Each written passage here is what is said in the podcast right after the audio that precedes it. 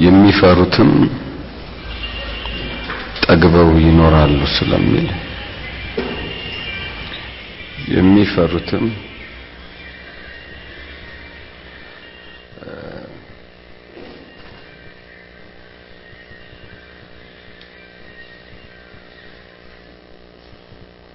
የሚፈሩትም መልአኮች ይሰፋሉ ካለ የሚፈሩትም ጠቢብ ይሆናሉ ካለ የሚፈሩትም ያስተውላሉ ካለ የሚፈሩትም እውቀትን ያገኛሉ ካለ I think በህይወታችን ውስጥ shortcut የሆነው መንገድ እግዚአብሔርን መፍራት ነው ማለት ነው። ብንፈራው እነኚህ ነገሮች ሁሉ ወደኛ የሚመጡ ከሆነ ለምን አንፈራውም? መፍራት ማለት ደግሞ መንቀጥቀጥ እንዳልሆነ አውቀናል። መፍራት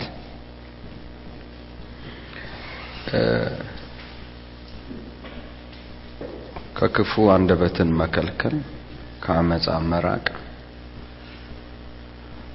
መልካምን መሻት፣ በዋዘኞች ወንበር አለመቀመጥ ከሆነ የሚጠቅሙንም ነገሮች አይደሉምና ለምን አንጓዝበትም? ስለዚህ ባለፍነው ካቆምነው እንቀጥላለን።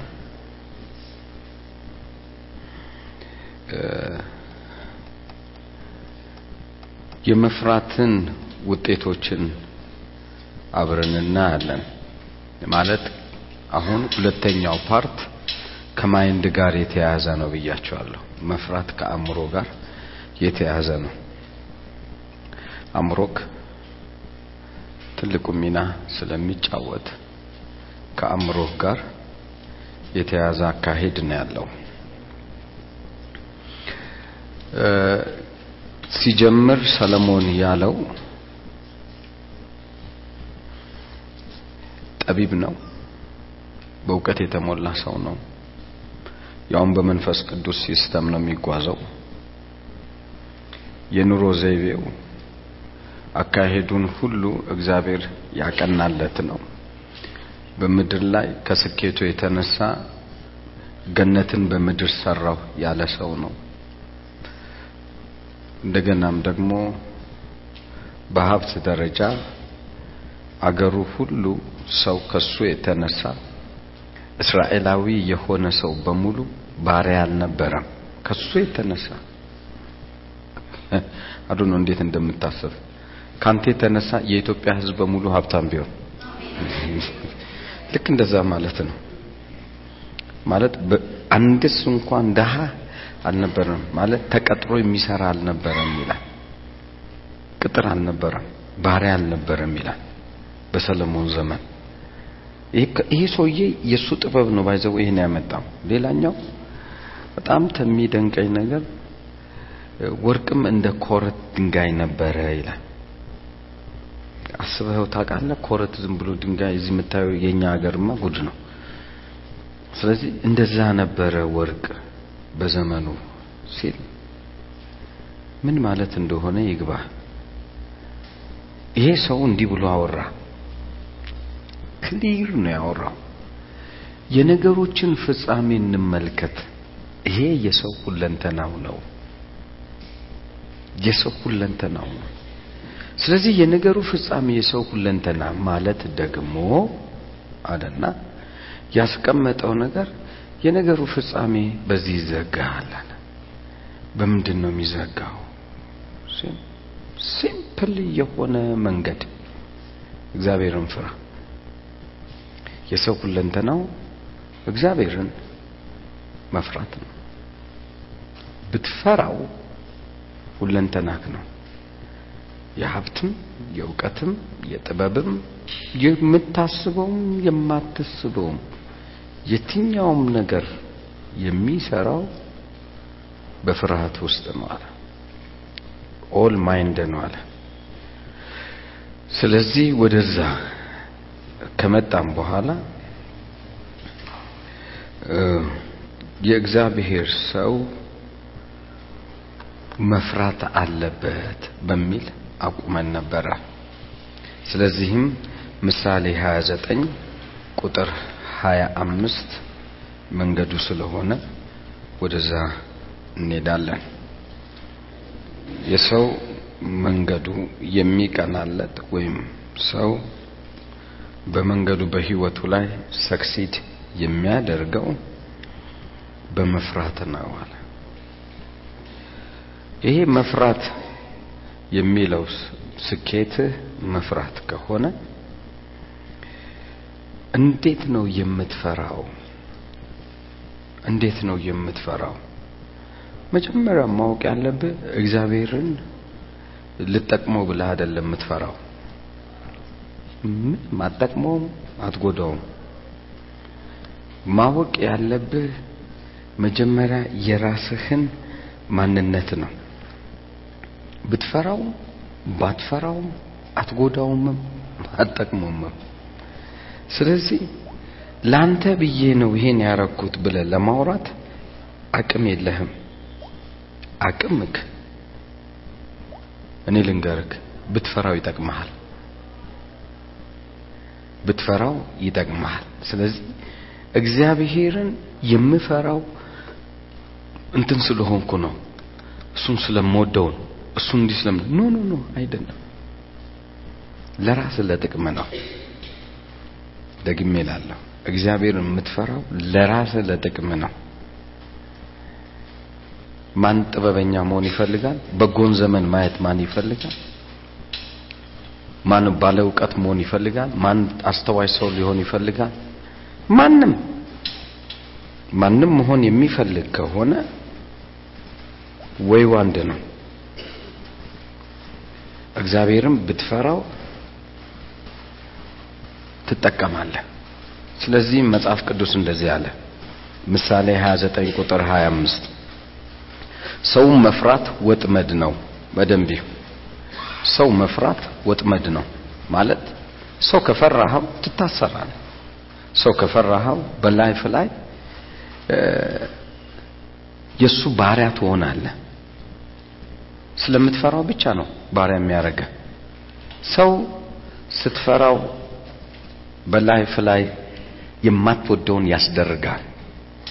ነገር ግን መጽሐፍ ቅዱሱ ሲያወራ እዚህ ጋር ሰው መፍራት ወጥመድ ነው፣ ወጥመድን ያመጣል ካለ በኋላ በእግዚአብሔር የሚታመን ግን እርሱ ምን ይላል? ይጠበቃል። እግዚአብሔርን ምን የሚል ይላል? የሚፈራ ግን እሱ ምን ይላል? ይጠበቃል። ስለዚህ ሰው እግዚአብሔርን ቢፈራ ይጠበቃል፣ safety ground ያገኛል። ይሄ ማለት ማለት ነው? life ኡ ስኬታማ ሰው እንዲሆን የሚያደርገው መጠበቅ የሚሆነው ሰው ስትፈራ ትጠመዳለህ፣ እግዚአብሔርን ስትፈራ ግን ትጠበቃለህ። ስለዚህ ጥበቃ የሚኖርክ በመፍራት ነው። ስለዚህ ለጥቅም ነው ማለት ነው።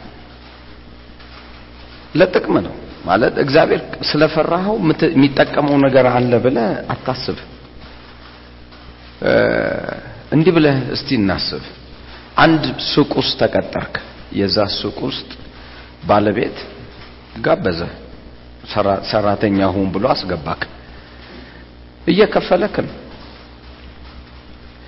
ከዛ እየከፈለ ስለሚያደርግ እያደረግ የምታደርግለት፣ የምትሸጥለት፣ የምታወጣለት፣ የምታስገባለት፣ የምትሸከምለት ሁሉን የምታደርገው ስለሚከፍለ ነው። እግዚአብሔር ደግሞ ፈራው ብለህ ስትል ምንም ችግር የለበትም። ስለፈራኸኝ ብሎ ዋጋውን ምን ይላል ይከፍልሃል። ስለዚህ ዕዳ የለበትም። ለዚህ ነው መጽሐፍ ቅዱስ እግዚአብሔር የማንም ሰው ባለ ዕዳ አይደለም። ስለዚህ በቃ period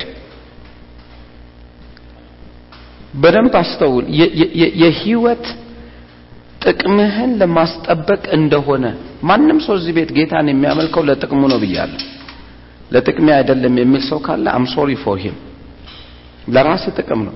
ለራስ ረጅም እድሜ ለመኖር ለራስ መልካም ነገር ይሆንልህ ነው።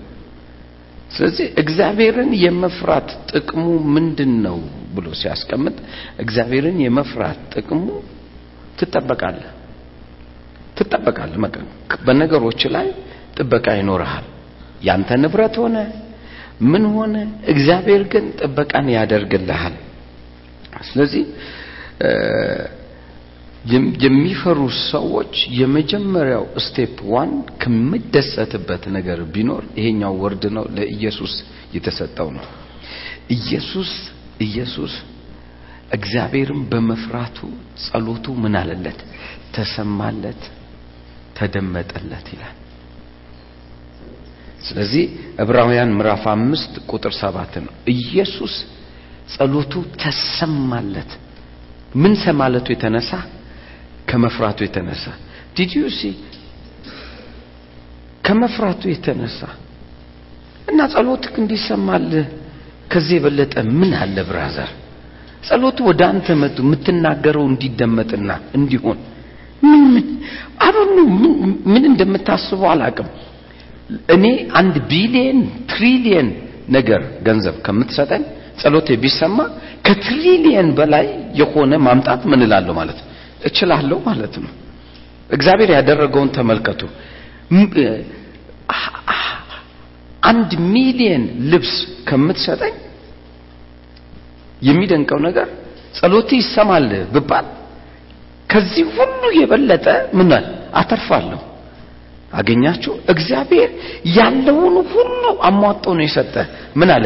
ከፈራኸኝ ይህን ሁሉ ምን እልሃለሁ እሰጥሃለሁ። ማለት ጸሎት ይሰማል። ጸሎት ተሰማ። ሁሉ የሱ ነው። ሁሉ የራሱ ነው። ከሁሉ ካለው ነገር አውጥቶ ሰጠክ። ዳሶል ምን ምንም በቃ ሌላ ምንም ነገር ከሁሉ ካለው ነገር አውጥቶ ሰጠ። አንተ እንዴት ምናምን አትልም። በቃ ለምነኝ ሁሉን እሰጥሃለሁ። ዳስዋይ ብዙዎቹ ሰዎች ጸልየው ማይቀበሉበት ሲባል የመፍራት ህይወታቸው wrong ነው። የመፍራት ሲስተማቸው wrong ነው። አይፈሩትም። እንደፈለጉ ይሳደባሉ፣ ያማሉ፣ ይጨቃጨቃሉ፣ ይደባደባሉ። ማለት በቃላት ነው ማወራ።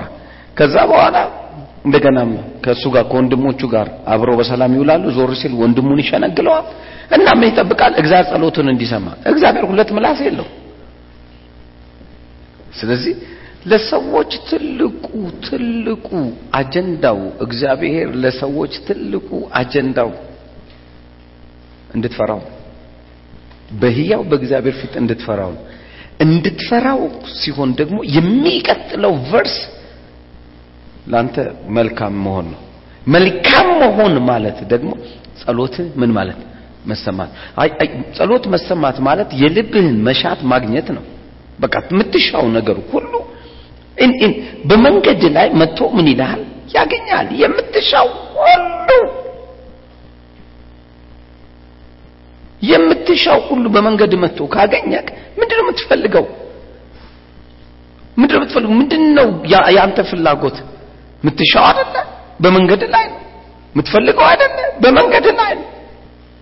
ሁሉ በመንገድ ላይ ከሆነ ለምን ሰፈር ታደርጋለህ?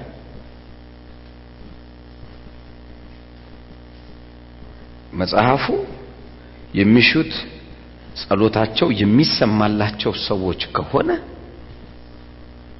በቃ ቁጭ በልና ዛሬ ማታ አንድ ውሳኔ ወስን። ለምንድን ነው ጸሎት ያልተሰማው? ስለዚህ መስተካከል አለብኝ። ጠቢብ ሰው አይኑ በማን ላይ ነው? በራሱ ላይ። ጠቢብ ካልሆንክ እንዲህ እያደረጉኝ ጌታ እኮ ነው ያለኝ። ስደባቸው ምን አልኩ? ይህ ነው ልካቸውን ንገራቸው።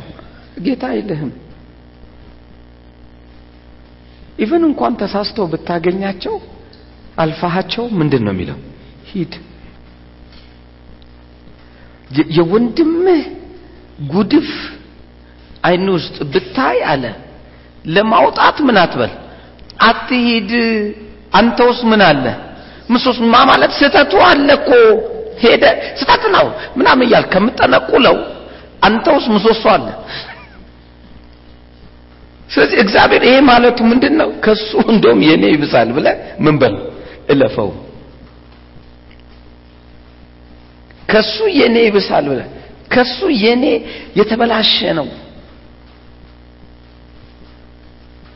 ይሄ አሁን ለራስ ጥቅም ነው። አይ ዳኒ ልኩን ነግረውማ የሆነ ነገር መሆን አለበት፣ ቆሻሻውን ከአይኑ ላይ እኔ አወጣለታለሁ ምናምን ብትከራከር እውነት አይደለም እውነት ነው ምናምን እያልክ ብትጨቃጨቅ የምትጎዳው ራስህን ለምን ጸሎት ይያዛል? ለምን ትግል ውስጥ ትገባለህ?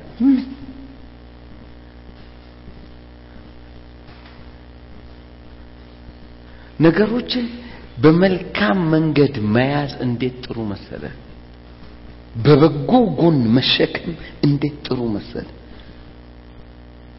እንደ እግዚአብሔር እይታ ማየት እንዴት ጥሩ መሰለ። እንደ እግዚአብሔር አስተሳሰብ ማሰብ እንዴት መልካም ሆነ። እስከ መቼ ተንከራታች ሰው ትሆናለህ? ተንከራታች ሰው ዘመንን ሁሉ ጨርሷል በመንከራተት። እስከ መቼ እየጮክ መኖር ትፈልጋለህ? እግዚአብሔር ፊት ላይ ሁሌ ጠዋትም ማታም ጠዋትም ማታም የምትጮህበት ነገር ውጤት ቢኖረው መጮህ እጅግ ባማረ እንደውም በርታ ነው የምንለው። ነገር ግን ምንም መልስ ከሌለው ምን ይጠቅማል? የምታየው እንኳን ተስፋ የለም። መጮህ ስላለብህ ብቻ የምትጮህ ውጤት አልባ ከሆነ ዋዩ ሰፈር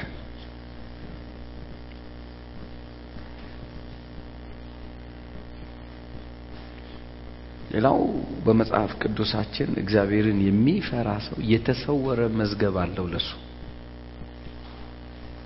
እኔ ይሄን ነገር እንዴት እንደምታዩት ባላቅም የተሰወረ ግን መዝገብ አለው ሰውየው። እግዚአብሔር በውስጥ ያስቀመጠው አጀንዳ አለ። ለሰዎች ልትሰጠው የምትችል አንተ ብቻ፣ ሌላ ሰው አይደለም። አንተ ብቻ ልትሰጠው የሚችለው በሰው ህይወት ላይ ኢንተርፊር አድርገ ወደ መልካም የምታመጣው አንተ ብቻ ትውልድን ልታሻገርበት የምትችለው በዚህ ትውልድ ውስጥ ኖረክ አንድ እግዚአብሔር ያሰበው ዓላማ እንዲፈጸም። ይሄን ስላችሁ እንዲህ ብለን እናስብ። ማናችንም እንደ መልካችን እንደ አሻራችን የተለየነን እግዚአብሔር የሆነ ነገር በዚህ ምድር ላይ contribute አዋተህ እንድትሄድ ነው ያመጣ ከዚህ ምድር ላይ። አጋጣሚ የተወለደ ማንም የለም ምድር ላይ። ኢቭን እንኳን እናታችሁ ተደፍራ እንኳን ብትወለዱ። ይህን ያህል እናታችሁ ተደፍራ ብትወለዱ። አጀንዳ አለው። በእናት ማህፀን ውስጥ የሚሰራ እግዚአብሔር ነው። በምንም አይነት መንገድ ና ወደዚህ ምድር። እዚህ ምድር ላይ ግን የሚገርመው ነገር አጀንዳ አለው። ያ አጀንዳን ፈልጎ የማግኘት ነው ህይወት። ስለዚህ ያንን ህይወት አጀንዳ ለማግኘት ግን እግዚአብሔርን መፍራት ትልቁ መንገድ ነው። ጌታ ሆይ ለምን አመጣኝ እዚህ ምድር? ለምን ፈጠርከኝ? ለምን አረከኝ? ለምን እንደዚህ ተወለድኩ? ለምን ብቻ በማንም ተወለድ እዳዝማት ባይዘው ወይ እናትና አባትም ተጋብተው ወለዱ። በከበደም አየለም ምክንያት ተወለድክም። እናትህ ካልወለደችም አባትህ አልወለደም። ባደራ መልክ ነው የተሰጠከው። አጠቅላለም ደግሜ እላለሁ ተጋብተውም ተወለድ፣ ሳትጋባም ተወለድ፣ ባየርም ተወለድ፣ በየትኛውም መንገድ ብቻ ወደዚህ ምድር መጣክ። በአደራ መልክ ነው እንጂ ቤተሰብ አደራ ይሄ ልጅ አሳድጉት፣ ኃላፊነት ውሰዱ ተብሎ ተሰጣቸው። ወይ ለእናት ብቻ ይሆናል፣ ወይ ለአባት ብቻ ይሆናል፣ ወይ ለዘመድ ሊሆን ይችላል፣ or something ሊሆን ይችላል። ግን መጣ አደክ ባደራ መልክ ነው እንጂ እዚህ ቤት ውስጥ ለምሳሌ ልጆች ያላችሁ ሰዎች ልጆች ልጆቼ የኔ ናቸው ያንተ ሆነው ማቁም ወደፊትም አልሆኑም። ደግሜ ይላል ያንተ መጀመሪያም አይደሉም ወደፊትም አይሆኑም። ባደራ መልክ ተቀብለ ነው። አንተ ውስጥ እቃ ተቀመጠ ሆድ ውስጥ እየሰማኝ ነው። እቃ ተቀመጠ፣ እቃው ወጣ። በቃ ባደራ ማስቀመጫ ነው። that's why እናት እስከ ዘጠኝ ዓመት አስር ዓመት እዚህ ግባ እዛ ውጣ እዚህ ግባ ምናምን ስትለው ይላትና ልክ አስራ አንድ ሲደርስ ሂድ አልሄድም አደራውን ጨርሰሻል ነው። ገብታ አስራ ሲደርስ የት ነው የምትሄደው? ልጆች ጋር አትሄድ ብያለሁ። አትሄድ ብለሽኛል? እሺ። ዞር ስትል እልም። ምክንያቱም የሚመስለን እኛ ልክ እግዚአብሔር ሰጥቶ ወጥሮ እኛ ጋር እንዲያስቀምጥ እግዚአብሔር ወደ ውስጥ አስቀመጠው እንጂ መጀመሪያ አንተ ውስጥ የለም። አልገባም ፈረንሳይ ልጆች የማን ናቸው? የእግዚአብሔር ስጦታ ናቸው። እኔ አሁን መጽሐፍ ነው ማምነው ሳይንስ የራሱ ችግር ነው። እኔ ስለ ሳይንስ አያገባኝ that's why? ልጆች አሻራቸው አንተን አይመስልም። አንተ ልጅናት ልጅናት ምናምን። አሻራው ይመርመር። አይደለችም። ምኗ ይመርመር? አይደለችም። ምን ግራ ይገባል። እንዴ ወደ ውስጥ ጠልቀ ከገባ ሌላ ችግር ነው። ስለዚህ ያለቻ አስተሳሰብ ምናም even አንድ ቤተሰብ አንድ አይነት ሰዎች አንድ አይነት ሰዎች ማለት አሁን እንበልና እኔና brother አንድ ነን። በ size አንገናኝ በባህሪ አንገናኝ እኔ እንጃ በመስበክ ሳይሆን ብቻ ነው የምንገናኘው። ገብቷቸዋል? በመስበክ እሱ የሚያስተምረው በራሱ መንገድ አለው እኔም በማስተምረው በራሴ መንገድ። ግን የምንይዘው መጽሐፍ ቅዱስ ብቻ ነው እንጂ የምንመሳሰለው። ከዛ ውጭ ያለ በጌታ በኢየሱስም ሁለት ደቂቃ መቀመጥም አንችልም። ለምንድን ነው ማንችለው? ምክንያቱም ምንድነው ሲባል አንድ እናት ነው። አንድ ቤተሰብ አንድ አልጋ ላይ አንድ እዛው ሽሮ ነው የምትበላው። ወተም ስትሄድ ግን ምን አይነት ምን ነው? እኔ ጋር መተ ሆ እንደምትል ብትል ይጥፋ ብለብለን ገብቷል እንዴት ነው እንዲህ ሆነው ገብቷል እንዴት ነው? I don't know ገብቷል። የተሰጠው accomplish ሊያደርግ እሱ የተሰጠው መንገድ አለው። እኔ accomplish እንድሰራበት የተሰጠኝ ምን አለ? መንገድ አለ። በምንም አትገናኝም። እውነቴን እኮ ነው ምልህ በምንም አትገናኝም። አትገናኝም። it's nature nature ነው። እግዚአብሔር ለዓላማ እንደፈጠረ መጀመሪያ ማውቃለሁ ተማርክም አልተማርክም ብያለሁ። አወክም አላወክም ሄድክም አልሄድክም ማን ሁን። ነገር ግን እውነተኛው ነገር እግዚአብሔር ለአንድ ዓላማ ግን ፈጥሯል። ያንን ዓላማ የማግኛ መንገዱ የተሰወረ መዝገቡን የማግኛ መንገዱ አንድና አንድ ነው። እሱም እግዚአብሔርን መፍራት። ያስዋይ መጽሐፍ ቅዱሱ የሚያወራክ ብትፈራው ይህን የተሰወረ መዝገብ ታገኘዋለህ። ባትፈራው ግን የተሰወረውን መዝገብ ታጠዋለህ ምርጫው ያንተ ነው። ደግሜ ላለው ምርጫው ያንተ ነው። እናንብበው ጥሩ ስለሆነ ቃሉ። ቁጥር 19 መዝሙር 31 ቁጥር 19 በአንተ ለሚታመኑ በሰዎች ልጆች ፊት ያዘጋጃሃት ለሚፈሩህም የሰወርሃት ቸርነትና ቸርነት እንደምን በዛች። የሰወርሃት ቸርነት ዲዲሲ የተሰወረ ቸርነት። ቸርነት ማለት አይገባም ግን የተሰጠ ምን? ስጦታ። ቸርነት ማለት የተሰጠ ስጦታ ግን ተሰውሯል። ያ የተሰወረውን ልታገኘው የምትችለው በምን ብቻ ነው? እግዚአብሔርን በመፍራት። simple መንገድ ነው። method ኡ በጣም simple ነው ማንም ሰው ሊያገኘው የሚችል method ነው ማንም ሰው ሊኖርበት የሚችል method ነው ግን it's up to you የተሰወረ ግን ማንነት ውስጥ አለ የተሰወረ ማንም ሊያገኘው የማይችል እንደ አሻራክ በዚህ ምድር ላይ ልታስቀምጠው የሚገባ ወይ ጀማሪ ትሆናለ ወይ የዛ ነገር ምንድን ነው የህይወት አቅጣጫ ለዘላለም የምታሳይበት መንገድ ሊሆን ይችላል ለምሳሌ እንደ mathematics ን በተመለከተ ቶማስ ኤዲሰን እንትኑን አንብቤ ነበርና የቶማስ ኤዲሰን ሰ እናትየው ዘገምተኛ ልጅ ነው ተብሎ ከትምህርት ቤት ተባረረ። ልጅሽ እዚህ ለትምህርት የሚበቃ ልጅ አይደለም። ምንድን ነው ሲባል ዘገምተኛ ነው። ስለዚህ ወደ ቤቱ ሰጆች እናትየው ብቸኛ እናት ናት። single mom አዘነች በጣም አዘነች። ግን አንድ ነገር አለች። መባረክ ጀመረች መናገር ጀመረች። የኔ ልጅ እንደሱ አይደለም የኔ ልጅ እንደሱ አይደለም። አሁን የመሰራቸው ማቴማቲክሶች እስከ ዛሬ ድረስ የምታያቸው ብዙ የእሱ ስራዎች ናቸው። ስራው ስለ ብሪጅ ስለ ምናምን ስለ ምናምን ስለ ኤሌክትሪክ ምናምን የምትመለከተው በሙሉ የእሱ ውጤት ነው። ግን ዘገምተኛ ነው ተብሎ ከትምህርት ቤት ምን ያለ ነው የተባረረ ነው። ማንም ሰው አሻራ አለው። ማንም ሰው አሻራ አለው። ይሄ ኒውትሮን ቦምብ የሰራው ማን ነበር? አልበርት አንስታይን አልበርት አንስታይን ባይዞ ስድስተኛ ክፍል ነው ታውቃላችሁ። ትምህርት ቤት በቃ ስድስተኛ ክፍል በጣም sorry ብሏቸው ቤት ገባ። ምክንያቱም በቃ ተምሮ የሚ- የሚያስተምረው ራሱ ሲናገር ሂሳቡ ምናምን ሰርቶ ሲያሳ ምን ይሉታል? ይህን ተሳስተሃል ተብሎ ይመታል። አስተማሪው ስለማያውቀው ምን ይላል? ይመቱታል። ስለዚህ ትምህርት ቤት አልሄድም አለ። ቀረ ቤት ጀመረ። finally ስ ይኸው እስ- እስካሁን ድረስ በማድነቅ የምትኖረው እሱን አይደለ? አልበርት አንስታይን እንዲህ ብሎ አልበርት ስድስተኛ ክፍል ነው ግን ስድስተኛ ክፍል ከትምህርት ቤት የተባረረ ልጅ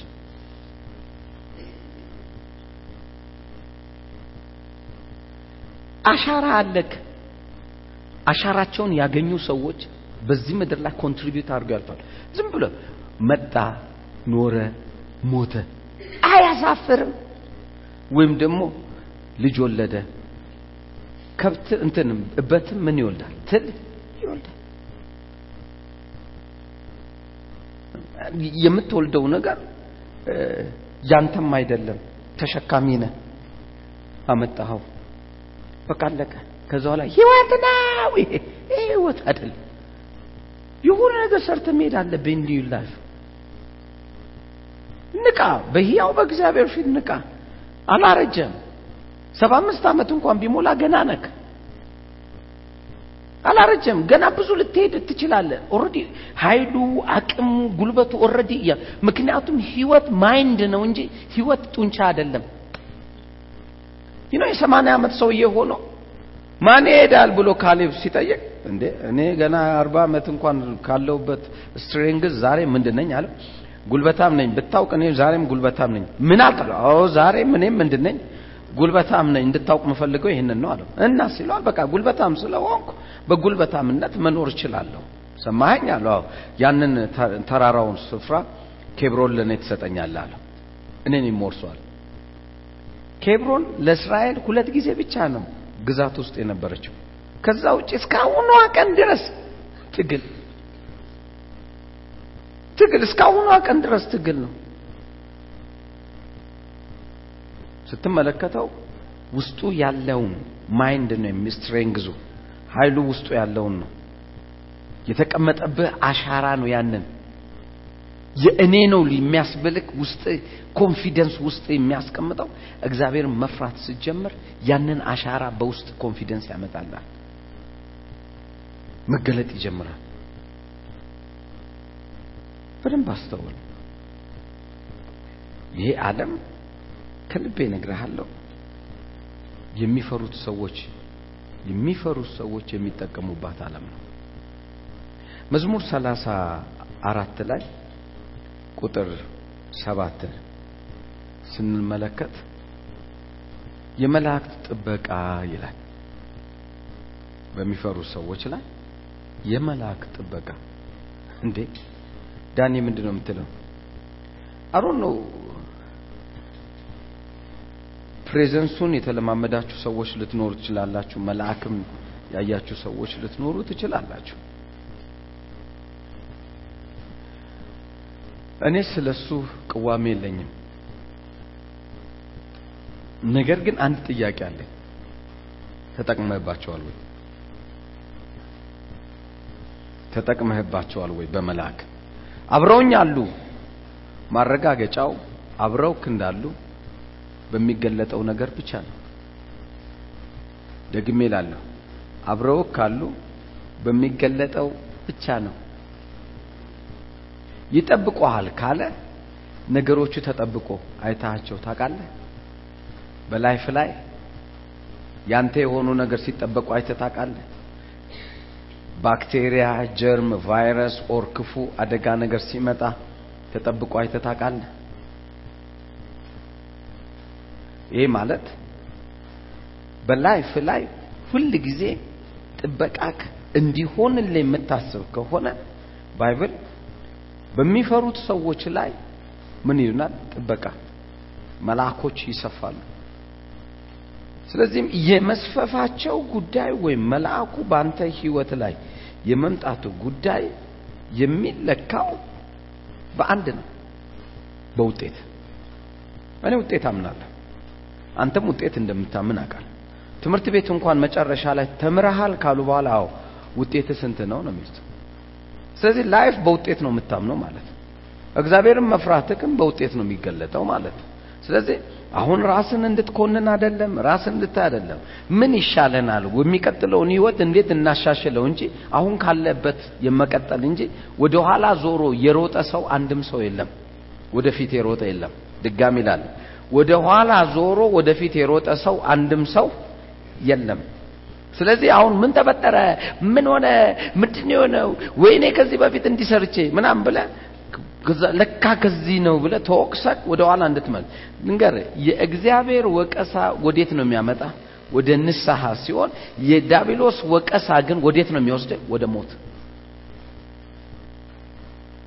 ስለዚህ ፍሬውን ስትመለከተው ወደ ሐዘን፣ ወደ ጭንቀት፣ ወደ ፍርሃት ከወሰደ ወደ ጨለማ አስተሳሰብ ከወሰደ ያ የእግዚአብሔር ወቀሳ አይደለም። ያ የእግዚአብሔርም አካሄድ አይደለም። ያ የዳቢሎስ ነው። ትምህርቱም የዳቢሎስ ነው። ወደ ኋላ ዙር የሚል አሁን የማወራ ወደፊት እንዴት እንደምትሄድ ነው። ምክንያቱም ተሳሳትክ፣ ስለ ተሳሳት፣ ስለወደቀ፣ ስለተፈጠረው፣ ስለ የትኛውም ነገር በላይፍ ላይ የሚያገባ ነገር የለም። በቃ አሁን አልቋል። ስለዚህ ወዴት ነው? ወደፊት ወደ ኋላ ዞሮ የሄደ ሰው ወደፊት የሄደ የለም፣ ወይም እያሰበ okay። አንድ ሯጭ እንደዚህ ብነግራችሁ፣ አንድ ሯጭ ሩጫ ጀመረ። ሰው በሙሉ ከበደ ከበደ ከበደ ነው እና ስሙ ከበደ ሲሉት የአክስቴ ልጅ ደህና ነሽ? ሩጫውን እየሮጠ ነው አይደለም። ለጠየቁት እናት እንዴት ናት? እሷማ እኮ እንዲሆና ሩጫ እየሄደ ነው። ይኸውልህ ለኋላ ላለፈ ነገር ዞረ መልስ መመለስ ከጀመርክ ሩጫን አትሮጥም። ምክንያቱም ያየክ ሰው ሁሉ ማውራቱ ምን አይልም አይቀርም፣ የተዋወቅከው ሰው። ስለዚህ ወደ ኋላ ያሳለፍከው ነገር ስለሆነ ወደ ኋላ የተዋወቅከው ነገር ስለሆነ ማውራቱ ምን አይልም አይቀርም። ወደፊት መሄድ ነው። ወደፊት ደግሞ ትናንት አይደለም። ወደፊት አሁን ነው። የአሁን ህይወት ነው መኖር ያለብን። የአሁን መንገድ ነው መጓዝ ያለብን። ስለዚህ መጽሐፉ የሚለውን እንመልከት።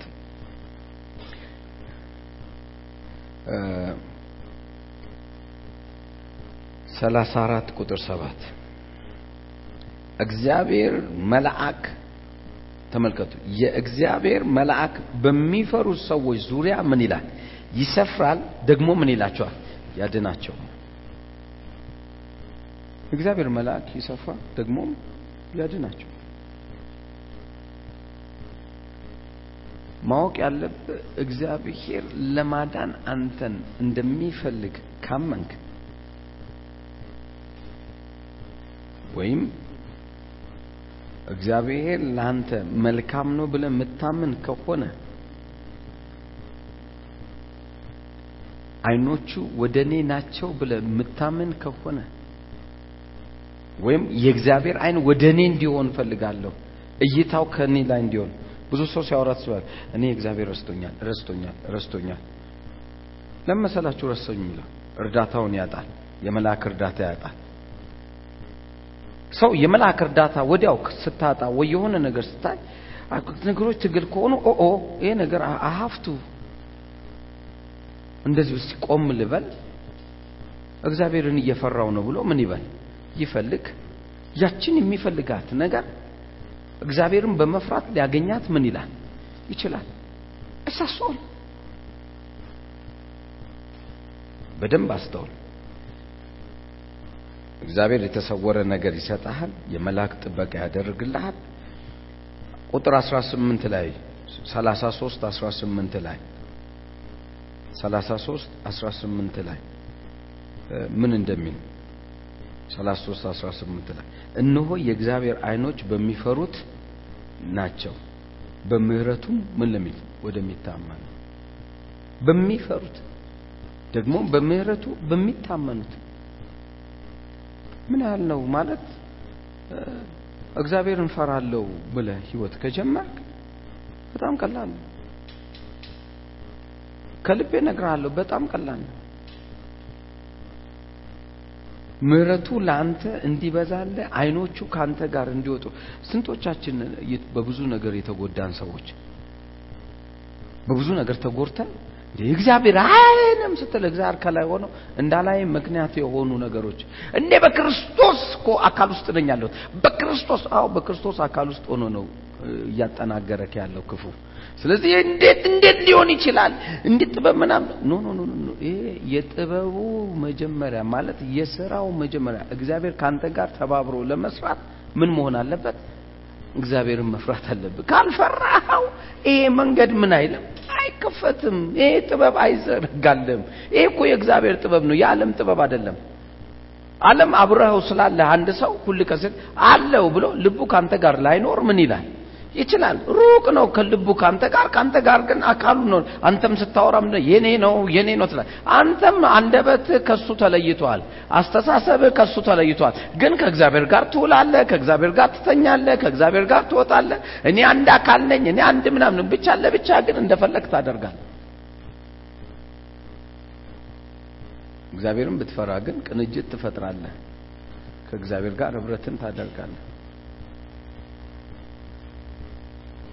ምንድን ነው የሚሻለው? እግዚአብሔርን በመፍራት መታየት ነው። ምዕራፍ 34 ቁጥር 9ን እንመልከተው። የሚፈሩት አንዳችም አያጡምና ቅዱሳን ሁሉ እግዚአብሔርን ምን በሉት? ፍሩት።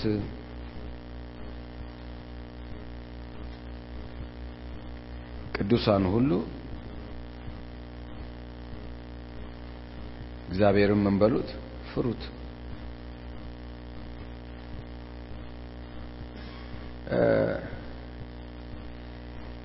ምሳሌ ዘጠኝን እንመልከተው ምሳሌ ዘጠኝ።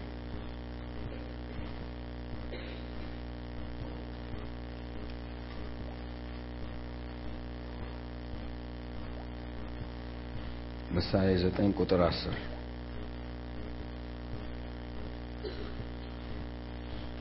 ማን ነው ረጅም እድሜ መኖር የሚፈልግ እዚህ ቤት ረጅም እድሜ መኖር የሚፈልግ ቀላል እኮ መቼም በአንዴ መሞት የሚፈልግ ሰውዬ ከእግዚአብሔር ጋር የተጣላ ሰው ብቻ ረጅም እድሜ አደለ okay። አሁን ቀሊል ነው። መንገድ ነው ማሳይ ይሄ አሁን የእግዚአብሔር የጥበብ መንገድን ነው ማወራክ እንመልከተው። እንዲህ ለጠቢብ ትምህርትን ስጠው። ምሳሌ ምዕራፍ ዘጠኝ ለጠቢብ ትምህርትን ስጠው። ጥበብንም ያበዛል ጽድቅንም አስተምረው እውቀትንም ምን ይላል? ያበዛል። የጥበብ መጀመሪያ ማንን መፍራት ነው? እግዚአብሔርን መፍራት ነው። ቅዱስንም ማወቅ ምንድን ነው አለ? ማስተዋል ነው አለ። ቀጥሎ ያለው ዘመን በእኔ ምን ይላል? ይበዛልና ዋናው አላማው የሚያወራው እግዚአብሔርን መፍራት የጥበብ ምንድን ነው መጀመሪያ ነው። እውቀትን የሚፈልግ ሰው ጥበብን የሚፈልግ ሰው ማን ነው? እግዚአብሔርን ምን ይበል? ይፍራ አለ። ቀጥሎ ግን ዘመን እንዲረዝም በምን ላይ? በምድር ላይ። ዘመን እንዲረዝም በምን? በምድር ላይ። አዶንም እንደምታስ ቤት ነው የሚረዝመው በምድር ላይ ማለት ቆይታ እንዲበዛል ማለት ነው። እዚህ ምድር ላይ ቆይታ እንዲበዛል። እንዲህ ይላል ዘመን በእኔ ይበዛልና የህይወትም እድሜ ምን ይላል? ይጨምራልና። ስለ የትኛው ምድር ነው የሚያወራው? ስለ ሰማዩ ነው? ስለ የትኛው ነው? ስለዚህኛው ምድር ነው የሚያወራው? ስለዚህ ይጨምርልሃል ይበዛልሃልም ለምንድን ነው ሞኝ የምትሆነው ነው ለምንድን ነው የምትሰቃየው ነው ለምንድን ነው የምትወል ይብዛል ይጨምርልህ it's good opportunity ነው። a good opportunity ነው። ወደ ወደ እንትን ተመለስ እስቲ፣ ወደ conscious part ተመለስ። በዚህ መንገድ ብትሄድ ጎላጎል ትደርሳለህ። አይ የለም በሀያ አራት በቦሌ አድርጌ ይህን ሁሉ ለምን ስትሽከረከር ዘመንን ትጨርሳል? በሀያ አራት ስትሄድ የሚያገኝህ ነገር አግኝቶ አናትህን ይላል። ምክንያቱም መንገድ አይደለም። ይህ ነው መኪና ስለያዝክ መንገድ ሁሉ መንገድ አይደለም ላንተ። ስማኝ፣ መኪና ስለያዝክ መንገድ ሁሉ መንገድ አይደለም ላንተ። ወደ መገናኛ መንገድን ይዘክ የመገናኛውን ይዤ ወደ ጎላጎል ነው መሄደው እያልኩ በአምስተኛ ማርሽ ነው እንዶ ምነዳ እያልኩ ብለፈልፍ ኤሊ ብትሄድ ትቀድመኛለች። ምክንያቱም የመገናኛውን ይዤ ስቀደው ነው ሙለው ጎላጎል የት ነው እያልኩ ለራሴ ወደ ኋላ እንደራኩት መጠን ከዛ በኋላ አዙሬ ነው የምመለሰው። ህይወት እንደዚህ ነው። ጌታ ስላለቅ መንገዱን መንገድ ሁሉ ላንተ መንገድ ነው አይደል? እንደ ጣሊያን ወሬ አይደለም። መንገድ ሁሉ ወደ ሮም ያመራል የሚል ውሸት ነው። እስቲ በዚህ ወደ ደቡብ ሂድ፣ ወደ ሳውዝ አፍሪካ ብቅ እንትን ህንድ ውቅያኖስ ነው የምገባው። መንገድ ሁሉ ወዴት አይሄድም ማለት ነው? ወደ ሮም አይሄድም ማለት ነው። እዚህ አስተውል። ህይወት የራስ መንገድ ነው። መንገዱም እግዚአብሔርን በመፍራት ነው። የምትፈራው ከሆነ is a big privilege for እግዚአብሔር አስቀምጦላል። የፉልሽ ጥያቄ መጠየቅ ለእግዚአብሔር ደስ አያሰኘው። የፉልሽ ጥያቄ ባልፈራውስ ምን ይሆናል? ባልሰማስ ምን ይሆናል? እንደዚህ የፉልሽ ጥያቄ አጠየቀው። ብትፈራው ይሆናል ካለ ትክክል ነው በልና ጉዞ ቀጥል። ምክንያቱም spiritual ዓለም ላይ ጥያቄ አንድ እንዲሆን ነው የምፈልገው። ወዴት ታሰማራለህ? ወዴት ታሰማራ? የእግዚአብሔር ስምሪቱ ነው እንጂ የሚፈለገው brother፣ ሌላ አይፈለግም። የማያሰማራበት ቦታን መፈለግ ነው የሚሻለው። እንዲህ ይላል፣ ነገሮችን መሰወር የእግዚአብሔር ጥበብ ሲሆን ነገሮችን መግለጥ ግን የሰው ጥበብ። ስለዚህ እግዚአብሔር ነገሮችን ይሰውራል፣ ሰው ደግሞ ነገሮችን ይገልጣል። ለሚፈልጉት ግን የተሰወረውን መዝገብ ያሳያቸዋል፣ ለሚፈሩት። ስለዚህም ዘመንህ በእኔ ይበዛልና የሕይወትህም ዕድሜ ይጨምራልና በማን በመፍራት ጥበቡ መፍራት ነው። ጠቢብ ሁንልኝ አልተባልክም፣ ፍራኝ ነው የተባልከው። ስትፈራኝ ጠቢብ ትሆናል። መቀለቀ ሄደ ትምህርት ቤት ምናምን የሆነ ኮሌጅ ግባልኝ አላለህም እግዚአብሔር። እግዚአብሔር ያለ አንድ ነገር ነው። ይሄ ፍራኝና እስቲ የትምህርት ቤቱን ውጤት አሳያለሁ። ሳትጎድል መኖር ትችላለህ። by the way ሰዎች ናቸው ለመቅጠርም ለምንም ጥበብን የፈለጉት እንጂ ትምህርት ቤት graduate አድርገሃል ብለው የፈጠሩት እንጂ ድሮ ኢንጂነሮች ሳይኖሩ አይደለ እንዴ ውሃ ከጉድጓድ የሚያወጡት የነበረው ነው አይደለም። ትምህርት ቤት ገቡ education ምናምን water and pumping ምናምን ተብለ ትምህርት ተማርክ። ከዛ በኋላ ወጣክ። በተፈጥሮ ማለት ሰዎች ደግሞ ዝም ብሎ በተለምዶ ደግሞ ውሃ ያለበትን ያውቃሉ።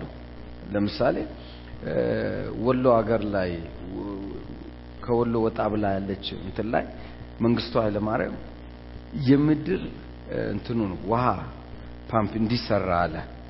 ለዓለም እናሳያለን ብሎ መንግስቱ ኃይለማርያም ያኔ እንትን የነበሩት ስራ አስኪያጅ የነበሩት ጋሽ መስፍን ነበሩ። ስለማውቃቸው ነው። እና መንግስቱ ኃይለማርያም እንዲሰራ እዚህ ቦታ አለ።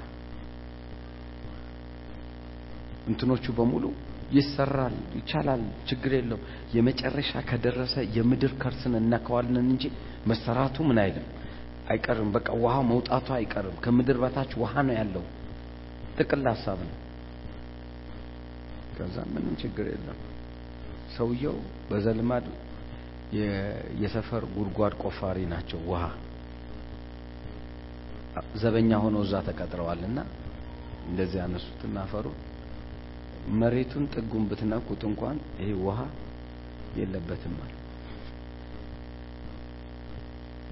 አብረውት ያሉት የተማሩት ከመንግስቱ ጋር ያሉት ስህተት ነው ያሉት። መንግስቱን አልፈው ስላወሩ መንግስቱን አልፈው ነው ያወሩ ማለት ስማ አንተ ብለው ነው ያሉት መንግስቱን ይሄ ውሃ አይወጣውም ተው ለምት ብዙ የኢትዮጵያ ህዝብ ይጎዳል። እንዲህ ነው ያሉት። አስገቧቸው ተባለ። ገብተው ሸቤ። የሚደንቀው ነገር ሶስት አመት ሙሉ ቆፈሩ። ዋጡ መንግስቱ ኃይለማርያም አድርጉ ስል ያደረጉትን በሙሉ አስገቡልኝ እሳቸውን አስወጡ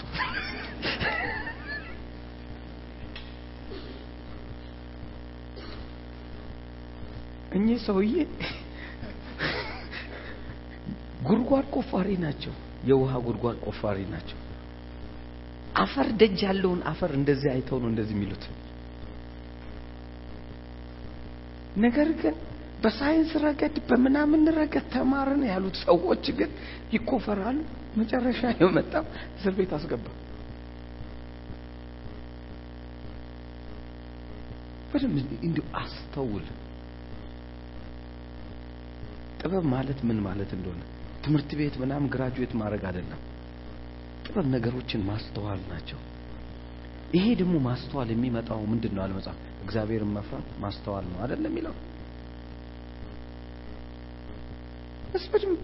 ቁጭ ብለህ አስተውል የኔ ወንድም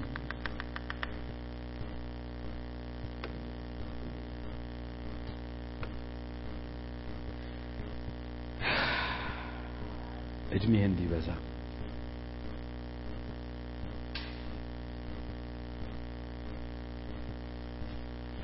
ፌዘኛን አትገስጸው አለ። እንዳይጠላ ጠቢብን ገስጸው ይወድህማል እግዚአብሔር አሁን ስለሚወድህ ነው የሚገስጽ እንጂ ያለፈውን አንስቶ እንዲሰርተሃልና እንዲመጣብህ እንዲህ አደረግኩ ለማለት አይደል አሁን እግዚአብሔር የሚገስጽህ በአንድ ዓላማ ነው። ጠቢብ እንድትሆንለት ነው። ወደሚቀጥለው ምዕራፍ እንድትሻገርለት ነው።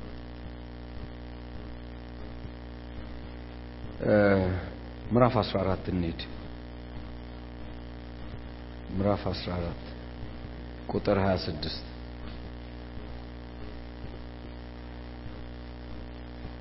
ምሳሌ ምዕራፍ 14 ቁጥር 26 እንዲህ ይላል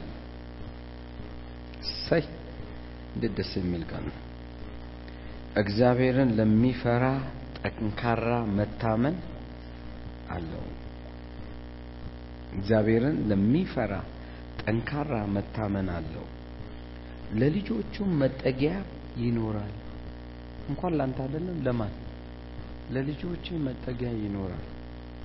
ሰው ከሞት ወጥመድ ያመልጥ ዘንድ እግዚአብሔርን መፍራት የህይወት ምንድን ነው ምንጭ ነው። ሰው እንኳን ከሞት ያመልጥ ዘንድ ወጥመድ ማለት ምንድን ነው ሲባል አደጋ ቢመጣ ሊያገኘክ ምን አይልም? አይችልም። እግዚአብሔርን ስለምትፈራ ብቻ አውቃ አይደለም። ስለምትፈራ ብቻ ከዛ ከሞት ይጠብቅህ ዘንድ መልአኩን ይዘዝልህ ሰው ይዘዝልህ ወይ የሆነ ነገር ይዘዝልህ። ብቻ በመንገድ ላይ ክፉ ነገር አግኝቶክ እንዳትሞት። እኔ ልንገራችሁ የእግዚአብሔር ሰው ስለሆንክ እንዲሁ ዝም ብለህ ትድናለህ አይባልም።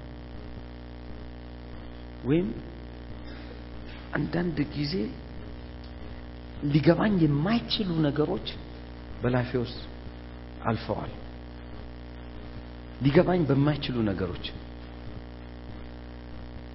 ምንም በማይታመን በዱባይ መንገድ ላይ እየሄድኩ እያለ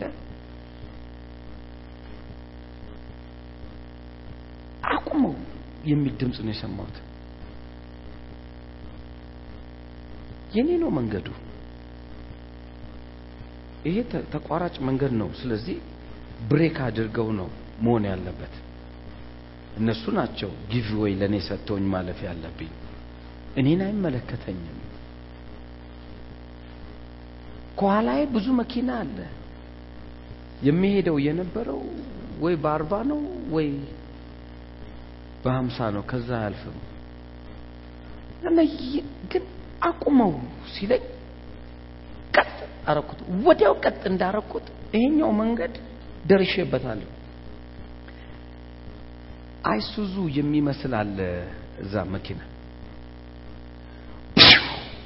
ብሎ ሄደ ከፊቴ። እንደዚህ እያየሁት ድመት ከዛ እየሮጠች ነበር። ቷ አርጓት ገደላት። አቁሜ ጥግ ያስኩና ለምን ለምን ድመቷን ሄጄ እዚህ ጋር ደም መፍሰስ ነበረበት። did you see ወጥመድ ነው። በመንገዱ ላይ ክፉ ክፎች በዛች minute ላይ እንዴት ሆነ? ድመቷ ከየት መጣች? በዛ ምድር ላይ ድመት ደጅ አታይም። I don't understand እስከ ዛሬ ድረስ እንቆቅልሽ ነው ለኔ እስከ ዛሬ ድረስ እኔ አላምንም ክፉ ነገር ይመጣብኛል ብዬ። እኔ አላምንም። I confess every day ጠላት በእኔ ላይ ምንም አሻራ የለበትም እያልኩ ነው ማወራው ሁሌ። ነገር ግን ያቺ minute ለምን በዛች minute ላይ? ወጥመዱ። ድመቷ የድመቷ ነገር ነው በጣም የሚከነክነኝ።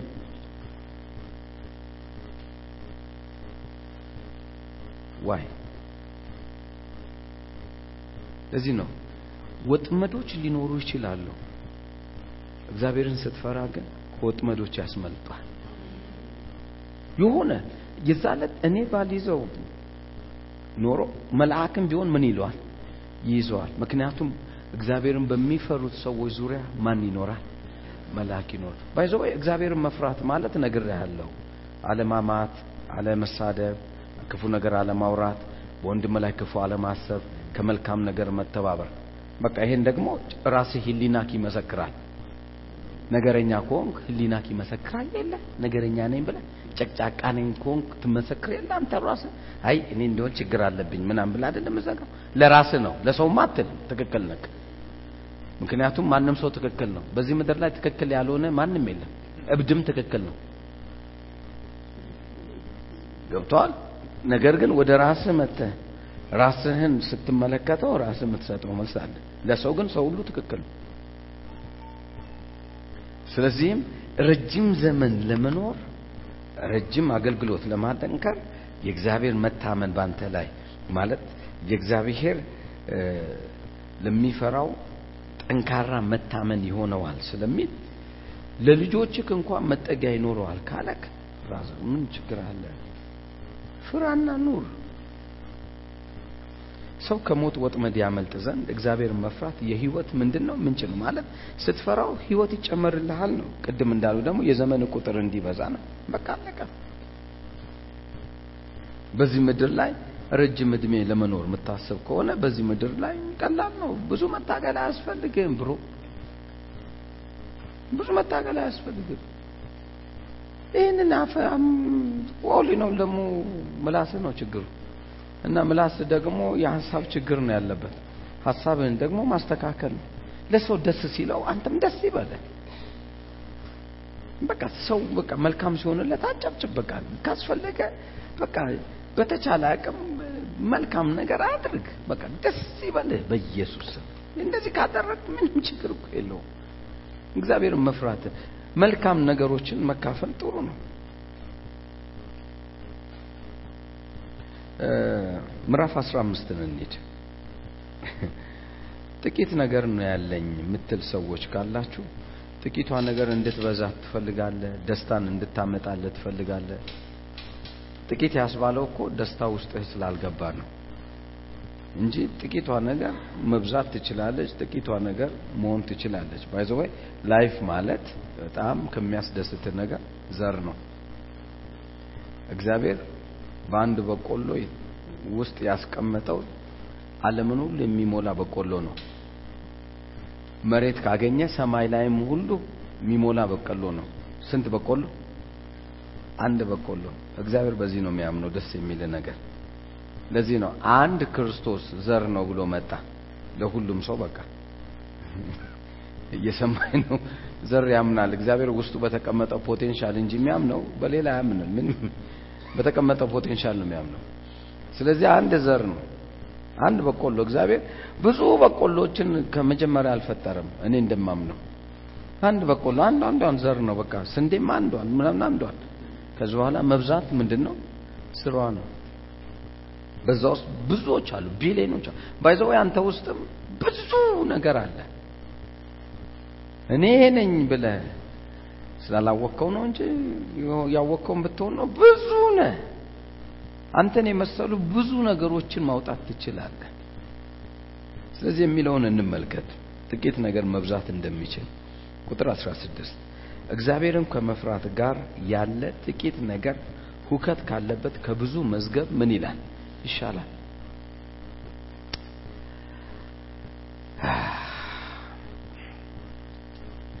ነው አንዳንድ አህዛብ የሆኑ እንትኖች አሉ፣ ማገኛቸው ሰዎች አሉ። በምንም መንገድ ጉልበታም ናቸው። በምንም መንገድ እንዲህ ስላችሁ በስልጣንም በኃይልም በምንም ጉልበታም ናቸው። በገንዘብም ጉልበታም ናቸው። አቤት ሁከት፣ አቤት አቤት ጭንቀት። ወደ ቤት ፊታቸውን ካዞሩ ሌላ ጦርነት ነው። ወደ ውጭ ካዞሩ ሌላ ጦርነት ነው። ወደ ምን ሰው እንዲህ ሲነግሩኝ አንዳንዴ ግራ ገብቶ ይህ ሰውዬ ሁሉ ነገር አለው፣ ግን እረፍት የሚባል ነገር የለውም። በልጆቹ ሲመጣ ልጆቹ ሌላ ታሪክ ናቸው። ሀሺሻ ምናምን ምናምን እና ቤት ውስጥ የሚጠጡት መጠጥ ምናምን ልጆቹ እኮ ገና 15 16 17 20 በጣም ቢበዛ የሚወስዱት እንትን ክሪስታል ኬት እንደሚያመጡ አታውቅም እንዴ? አንዱ እሺ አንድ ሰው ቤት ወይ ሁለት ሰው ቤት ወይ እንዴት ሰው ሁሉም ይሆናል?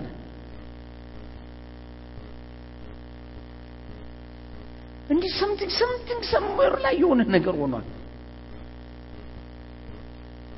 ጂን ጂን ሲጠጡ ይሄ ይሄ ጂን ምናምን የሚባል መጠጥ አለ፣ በጣም strong የሆነ እሱ ስለማይሆናቸው ካቲካላ ነው።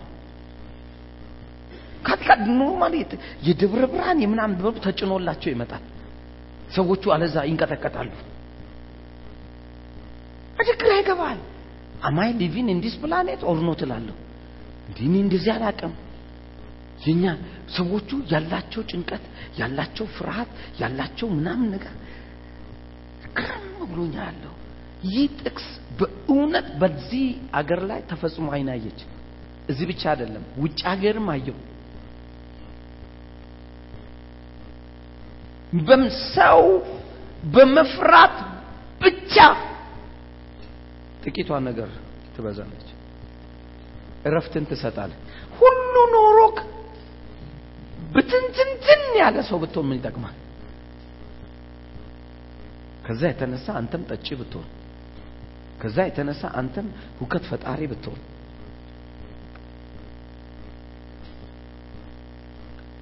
ሁከት ካለበት ከብዙ መዝገብ ይሻላል። ብዙ መዝገብ ሊኖር ይችላል። እንትና ናቸው እሳቸው እኮ ተብሎ ስምክ በትልቅ መጽሐፍ ላይ በኢንፍሮንት ፔጁ ላይ ልትጻፍ ትችላል። ግን ሁከት የበዛበት ህይወት ምንድን ነው? what's your benefit? እግዚአብሔር እድሉን እየሰጠ ነው ዛሬ። በዚህም ለምትሰሙ ሰዎች እግዚአብሔር እድልን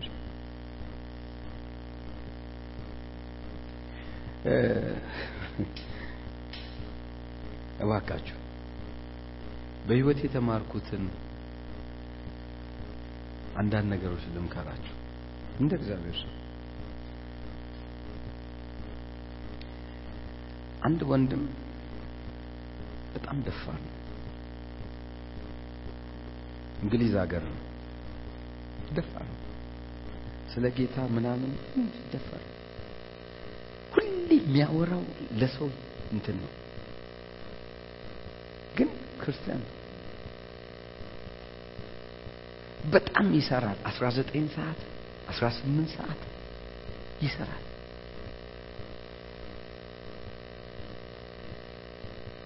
ሰርቶ ቸርች እንኳን አይመጣም ማከማቸት የፈለገው ገንዘብ ነውና ገንዘብ እዛም በእንትን ማስቀመጥ ስለማይፈልግ በባንክ ስለማይፈልግ ምክንያቱም ብዙ ጥያቄ አለ። ያችን ስለማይፈልጋት በፍራሽ ውስጥ ትልቅ ፍራሽ ገዝቶ ጥጦን አውጥቶ ገንዘብ ነው የሚረበርበው። ገንዘብ እየረበረበ እየረበረበ እንትን አድርጎ መቶ ሰላሳ አምስት ሺህ ፓውንድ አስቀምጦ የሚናገረው ንግግር ልነግር አልችልም። አጼ እንደ ልቡ ነው። ማታ ላይ ገብቶ ተኛ።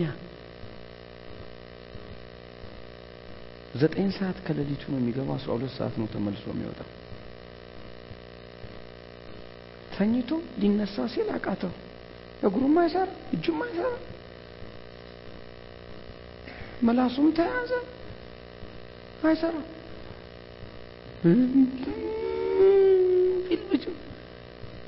በር ቆልፎ ነው የገባው። በምን ያናግር? ማንን ይግባ?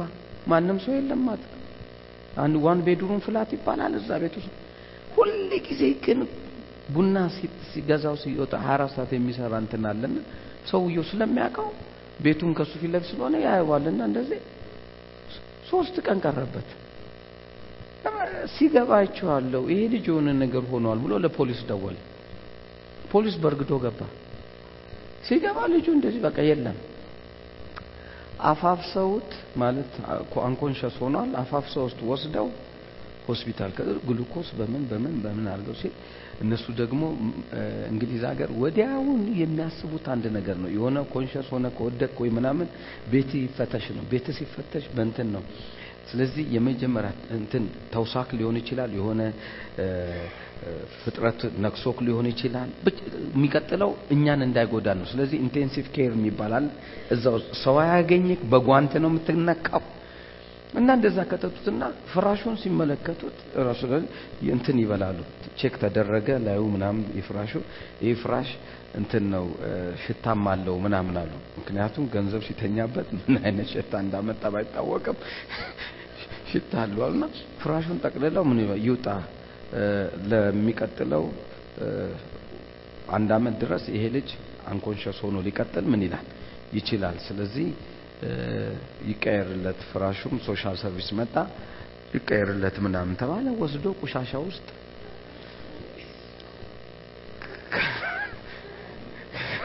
ከዛ ማለት እስከ I don't know ሁለት ሳምንት ምናምን አልነቃም እና ከዛ ስልክ የመጨረሻ የተደወለው ለኔ ስለነበረ ደውለው hello ይህን ሰው ታውቃለህ? አዎ አውቃለሁ። ሆስፒታል ነው ያለውና ሄድኩ ሳየው በቃ unconscious ሆኖ ተኝቷል። በቃ አይ ምናምን እያልኩ ምንም አላልኩ እየሄድኩ አየዋለሁ። ሲነቃ ወዲያውኑ ለዳንኤል ደውሉ ለዳንኤል ደውሉ ለዳንኤል ደውሉ። hello ዳኒ ቤት ቤት ምን ሆናል ቤት? አደራህን ገንዘብ አለኝ ያስቀመጥኩት እነኚህ social service ኦች take care አርጉ ተብለው ተነግሯቸው ነበረ። እና ፍራሽን ብቻ ልክ አውጣውና ሌላ ፍራሽ ገዝተ ክተተው። ፍራሽ ውስጥ ምን አለ ፍራሽ ውስጥ? ምን ቸገረ ዳንኤል? ምን አለ ብላ አትፈልግ። በቃ አለ አለ። እሺ። እንደ ጀት ሄድኩለት። ሴል ፍራሹ የት ነው የተቀመጠ ብዬ መፈለግ ጀመርኩ እዚህ ነበር የጣል ነው ሲል ቆሻሻ አንሺዎች ደግሞ እንደዚህ ይቀመጣል። ቆሻሻ አንስተው ምን ማለት ነው? መውሰድ ነው። በቃ የማን ይሁን ምን ይሁን ቆሻሻ ሄዷል። ሄጄ ሌላ ስትሮክ እንደማመጣ ገባኝ።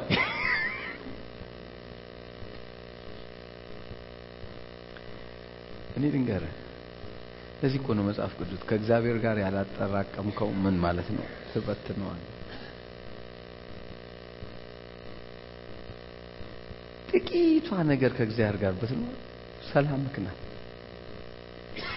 ትበዛለች።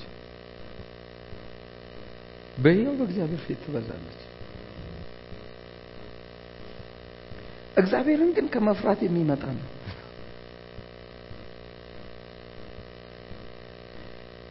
ለእሷ ብዬ አይደለም ሰዓቷን ማልሰርቀው ወይም ስለማያስፈልገኝ አይደለም እግዚአብሔርን ስለምፈራ ምን ሲል ለእኔ ሌላ ሰዓት ባይኖረኝ ሰባት ሰዓት ገዝቶ የሚሰጥ አቅም ያለው ማን አለ? እግዚአብሔር አለ። ሌላው ቢቀር እንዲህ ፈልጋለሁ ስል ሀምሳ ሰዓት ፈልጋለሁ ስል ጸሎቴ ይሰማል። ስለዚህ ይሰጠኛል። this is የመፍራት ውጤት wake up አሁን ንቃ። I wish I wish እንዳንተ የሚነግረኝ ሰው ቢኖር ኖሮ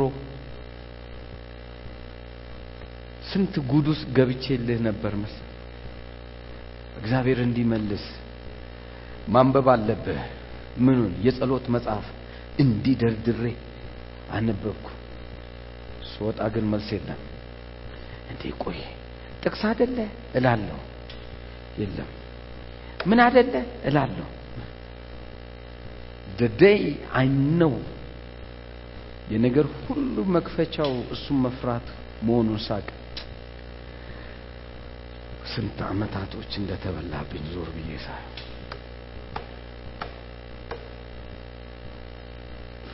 ነገሮች የሚከፈቱት በዛ እንደሆነ አው የሆነ ነገር በላይፍ ላይ ለውጥ የምትፈልግ ከሆነ በመፍራት ዛሬ ጀምር። ምንም በቃ ምንድን ነው ሲባል መፍራት ማለት ሰንበዲ ጋር እንትን ሊመጣብኝ ነው ክፉ ሊመጣብኝ ነው አትበል። እኔ መልካም አደርጋለሁ ወይ? እኔ በጎ አደርጋለሁ ወይ? እኔ እኔ አሁን የሚመለከተው እሷ ጥሩ ልጅ ትሁን መጥፎ ልጅ ትሁን ሳብቱ ኸር እኔ ግን ለእሷ በጎ ነኝ ወይ?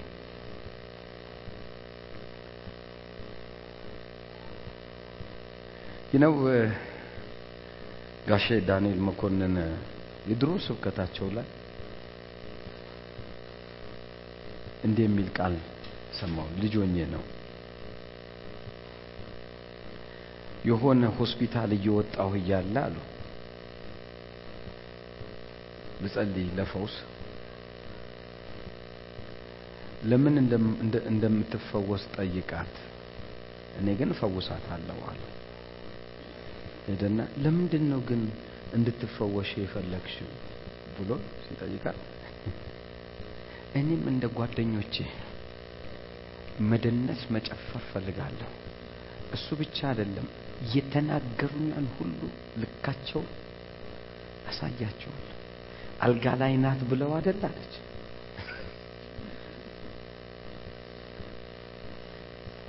እዛው ሆና በእግዚአብሔር ጋር በፍርሃት ብትኖር አይሻልም?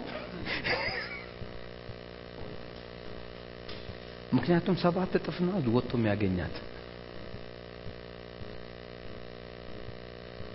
በቀደም ማን ነው አዶ ነው ከእናንተ መካከል ማን እንደሆነ ብዙም አላስተውልም፣ ግን እዛ መጥቶ ጸልይላት ኖ እዛኛው ቸርች ጠቆር ያለች ልጅ ናትና ጸልይላት። ለማን? ለሷ። ለምን ስለምን ልጸልይላት? ክፉ እንዳለባት ታውቃለች፣ እኔም አውቃለሁ፣ እነሱም ያውቃሉ፣ ቤተሰባችንም እሷ ላይ ክፉ እንዳለ ያውቃል። እንዲወጣላት ነው። ጠይቃት አለኝ። ክፉ አለብሽ ስላት አለብኝ አለች። እንዲወጣልሽ ትፈልጊያለሽ? ለምን ተብሏል? እዚህ ቤት ያለ እኛ ቤት ያለውን በሙሉ ጉዳቸውን ገና አሳያቸዋለሁ። ምክንያቱም የሚሰሩትን አያውቁም። እኔ ነኝ ማቀላቸው ምናምን። ከዛ እሷ ይሄውላ አስወጣዋል እንዴ እኔ ባስወጣው ሰባት እጥፍ ዞሮ ምን ይላል? ይገባል። ከዚህ የባሰ መኖር ነው የምትፈልጉ ወይንስ እንደዚሁ እንዳለ ሚኒማይዝድ ሆኖ መኖር ነው የምትፈልጉ? ከዛ አረ እንደዚሁ ይሻላል አለች ታናሽየው። በቃ እንደዚሁ ትኑርላችሁ። እውነቴን እኮ ነው የምልህ። እውነት ነው። አይኗን አይቼዋለሁ። መናፍስት አለበት። ግን የሚደንቅ ነገር ግን ባስወጣው ልጅቷ ፍላጎት የላትም። ስለዚህ ሰባት እጥፍ ዞሮ ምን ይላል ይገባል። እየሰማችሁ ነው። ፍርሃት ከሌለ ካንተ ቢወገድም ሰባት እጥፍ ጠርተህ ነው የምታመጣው። ፍርሃት የህይወትን ይጠብቀዋል። ኪያስ ይህን ያህል ካልኩ ነገ ላይ ሌላኛውን ክፍል እንማራለን። በዚሁ በፍርሃት ውስጥ ባለ ህይወት ህይወትን ለመለወጥ ስለሆነ ያለሁት እኔ ከእግዚአብሔር ወገን ነኝ። እግዚአብሔርም ከኔ ጋር ነው። በብዙ ደስታ እወጣለሁ፣ በብዙ ክብርም እመለሳለሁ። በኢየሱስ ስም አሜን።